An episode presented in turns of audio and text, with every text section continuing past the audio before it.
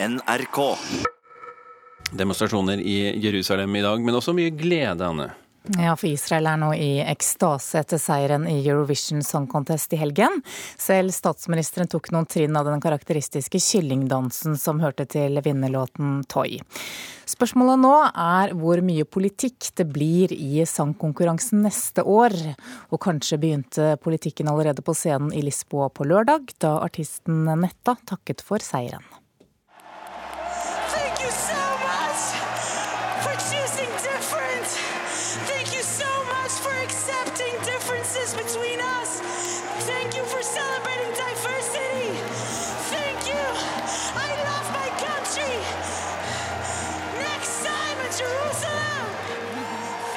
Det er det siste Netta sier i takketalen sin, Next Time Jerusalem, neste gang Jerusalem, som kan tolkes som et politisk utsagn.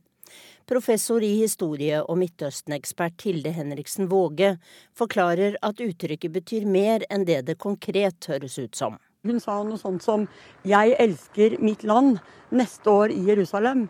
Det er eh, den setningen, det ønsket, det løftet som alle jøder i langflyktighet over hele verden har sagt bestandig. Når de var fordrevet fra Jerusalem, så var det uttrykket 'neste år i Jerusalem'.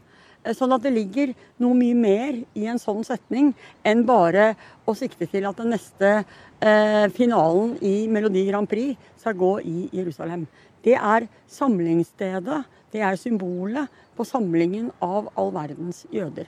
Nå er heller ingenting bestemt. Jon Ola Sand er produsent og sjef for hele konkurransen. Han sier det er hardt arbeid i vente for å få en finale i Israel opp å stå neste år, men foreløpig er ingenting bestemt om noe som helst. We have still not defined any city, any dates, uh, or anything around this, but we will start to talk to you. We will start to talk to the network and to see how we should organize this uh, and when it should be.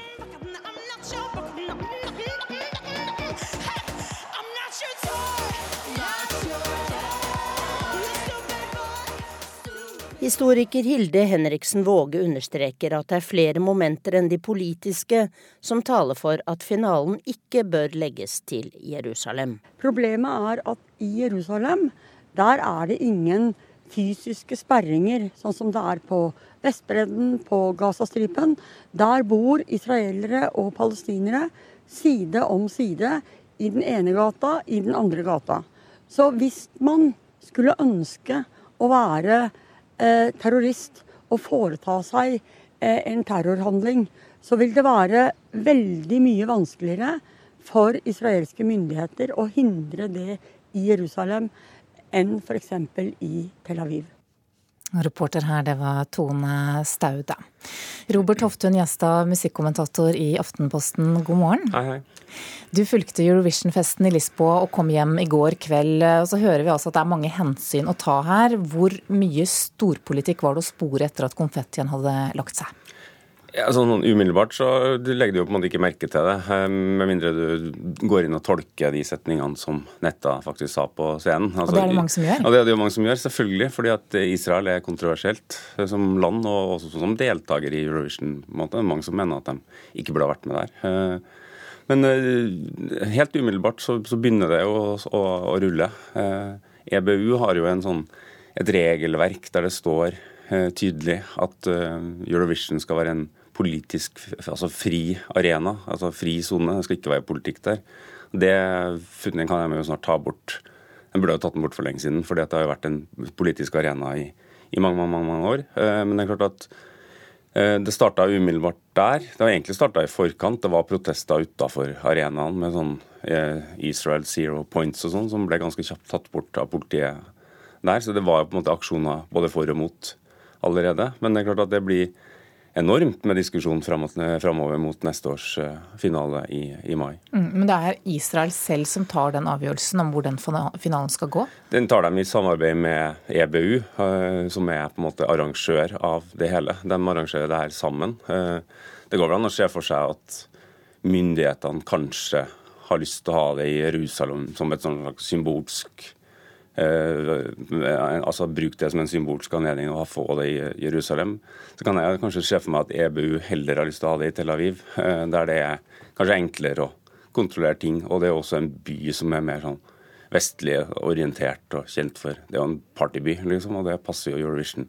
Så jeg vil jo tro at EBU kanskje har lyst til å prøve å få det dit, og så blir det vel en dragkamp, da. Så tipper jeg vel at det kanskje er faktisk Jon Ola Sand og EBU som bestemmer faktisk til slutt. Det er, dem, det er dem som på en måte står ansvarlig for det her. Okay. Du, vi må snakke litt om uh, selve musikken og arrangementet også. Du har jo dekket dette her i flere år. Uh, hvordan vil du oppsummere årets utgave?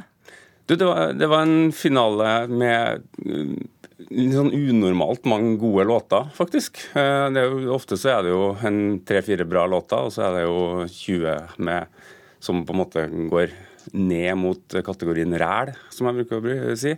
Men, men, i år så var det ganske mye bra. Og så endte jeg på en måte med den favoritten som har vært favoritt hele, hele vinteren og hele vår. Liksom. Det, Israel har jo ligget øverst på oddslistene jevnt og trutt hele, hele, året. Så ikke sånn veldig overraskende at den vant, fordi jeg egentlig ikke trodde at den kom til å gjøre det. Mens vi var, altså Stemningene i, i Lisboa var på en måte jevnt over at ja, det er en artig låt. Litt rar. Rar med klukke kyllinglydene. Eh, godt tema. Eh, det handler jo om altså hun, Netta har jo sagt det sjøl, hun har blitt utsatt for mobbing eh, da hun var yngre. Og synger om på en måte retten til å på en måte være seg sjøl sånn som hun er. Eh, den er tolka litt inn i en sånn metoo-sammenheng mot trakassering og mobbing og sånn. Så det, så det, er på en måte et tema som helt opplagt treffer fansen i Eurovision. Og de er opptatt av retten til å være seg sjøl. De som som er på en måte det mest innbitte fansen. Mm.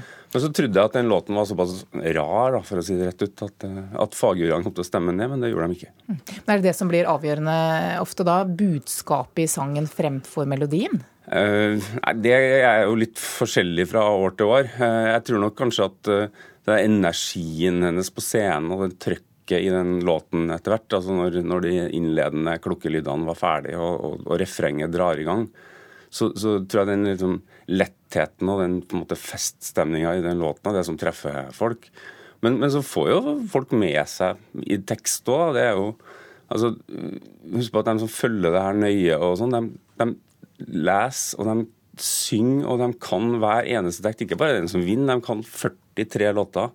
Pluss gjerne den som ble nummer seks i den slovenske finalen i januar. Altså, De kan alt, de er så dedikert. Så de får med seg innholdet i det her, og det, det sprer seg. altså.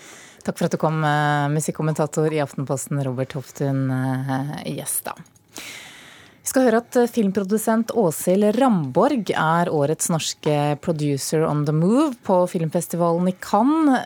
Kulturreporter Tone Staude, hva innebærer det? Ja, altså denne gruppen Producer on the Move den består av 20 unge produsenter som tilhører organisasjonen European Film Promotion. For de skal knytte kontakter, utveksle erfaringer og opprette samproduksjoner på tvers av landegrenser. Og vår reporter Birger Vestmo møtte Åshild Ramborg i Cannes. Vi ser jo nå at vi har eh, problemer rett og slett med å få opp filmprosjekter hvis man ikke gjør koproduksjoner. Så det er fremtiden, og det er jo gøy. Det er gøy å jobbe på tvers av eh, landegrenser. Men vi sitter her altså i eh, filmens eh, mekka, i hvert fall i disse maidagene. Eh, hvorfor er Cannes viktig? Cannes er jo et møtepunkt mer enn noe annet. Så her kommer folk fra hele, hele verden, hele bransjen. Får, det er så viktig å møte hverandre, ikke bare at alt foregår via Skype eller telefon. Det sa altså Åshild Ramborg, som er årets norske producer on the move på filmfestivalen i eh, Cannes. Og Tone Staude, hva er Åshild Ramborg mest kjent for? Ja, hun eh, har eh, her hjemme laget filmene 'De nærmeste' og 'Askeladden i Dovregubbens hall', og får nå økt sjansene til å jobbe på flere internasjonale prosjekter. Mm. Denne tittelen, hva betyr det? Ja, Det er kanskje enklest å se på de som har gått foran og fått den tittelen før. Vi kan nevne navn som Bent Hamer, Gudny Hummelvold, Jørgen Storm Rosenberg, Yngve Sæther, Maria Ekerhovd og Kjetil Omberg f.eks. Takk skal du ha, Tone Staude. I de siste årene så har Edvard Munch fått stor oppmerksomhet i eh, utlandet. Det moderne øyet var en braksuksess i Paris. Van Gogh pluss Munch gjorde lykke i Amsterdam. Og i 2017 og 2018 så har utstillingen hatt sin seiersgang gjennom USA. Nå er altså utstillingen kommet hjem til Oslo og Munch-museet. Den åpnet før helgen. Og Mona Palle Bjerke, kunstkritiker her i NRK, hva slags utstilling er dette? Ja, da snakker vi om utstillingen 'Mellom klokken og sengen'. Og det er en utstilling som tar oss inn og viser oss et bredt utvalg av eh, Munchs kunstverk fra hele kunstnerskapet. Og de ville aksentuere ulike faser. Eh, både den tidlige angst- og smertefasen hans fra slutten av 1800-tallet, men også da den mer livsbejaende, vitalistiske fasen fra etter århundreskiftet, og helt frem til alderdomsarbeidene hans, som også ligger da i tittelen 'Dette selvportrett mellom klokken eh, og sengen'. Hvorfor har de valgt å kalle utstillingen 'Mellom klokken og sengen'? Ja, det er nok eh, fordi at man ofte, og ikke minst i utlandet, overfokuserer litt på ungdomsarbeidene til Munch, altså livsfrisearbeidene hans. Og ved å peke på, da med utstillingstittelen, et alderdomsarbeide, så viser man til denne senere produksjonen til Munch, som ikke er noe mindre viktig eller spennende enn denne tidlige fasen. Men får publikum også se de mest berømte bildene? Absolutt. Her er det hele spekteret. Det er eh, flere livsfrisemotiver det er angst, det er en praktfull versjon av Madonna, det er en senere versjon av Livets dans. Det som er så spennende med Munch, er at han tar jo fatt i disse livsfrisemotivene og videreutvikler og bearbeider dem. F.eks. Det syke barn, eh, som vi kjenner fra den originale versjonen, eller den opprinnelige versjonen fra 1886, som har dette litt bleke, koloristiske uttrykket, kanskje som et bilde på det unge livet som er i ferd med å ebbe ut. Dette var jo Munchs egen søster som døde da hun var 14 år. Og dette er jo et sorgarbeid den gang på 1880-tallet. Et, et erindringsarbeid. Mens han da lager en 1920-tallsversjon som spraker i farger, og som er mye mer hvor han bare tar dette motivet som et komposisjonelt utgangspunkt, og dveler ved fargene. Det irrgrønne som går over i skinnende turkis, og som kontrasteres mot den dype rødbrune fargen i den døende pikens hår. Så her er han nesten inne i det abstrakte, altså. Men han tok aldri skrittet fullt ut inn i, i, det abstrakte? Nei, han gjorde ikke det, men han er i sine modne arbeider ganske nært det abstrakte. Veldig ofte så ser vi at han lager et motiv, sånn som eh, 'Stjernenatt' fra 1923 på Ekeli der, hvor han på en måte dveler ved fargene, hvor fargene spiller hovedrollen, selv om vi har dette motivet. Det er den skinnende sneen med hele den frosne fargetoneskalaen. Det er den, det mørke blå eh, skumringsmørket og det dunkle mørket som sitter liksom i trærne og, og fjorden jorden. Og dette er jo da selvfølgelig et motiv. Vi har den, den ensomme skyggen mot sneen som, som har denne ensomhetsmetaforikken, men allikevel så er det fargene som spiller hovedrollen her. Mm. Er det en uh, bra utstilling? Ja, det er en utstilling. Det er ingen utstilling som går inn i historien. De rekontekstualiserer ikke uh, Munch i det hele tatt. De har ikke, risser ikke opp nye perspektiver, men den må bedømmes som det den er. En utstilling som har som ambisjon å vise Munch, hele bredden av Munch i utlandet. Men det er klart, når den kommer hjem til Norge, så har den kanskje ikke så mye nytt å, å by oss. Men Munch er Munch, og Munch er alltid severdig. Takk skal du ha, kunstkritiker her i NRK, Mona Palle Bjerke. Må ta med deg at dersom NRK ikke blir enig med fagforeningene, så går over 2300 NRK-ansatte ut i streik fra i morgen. Eh, I morges eh, så møtes partene til mekling hos Riksmekleren.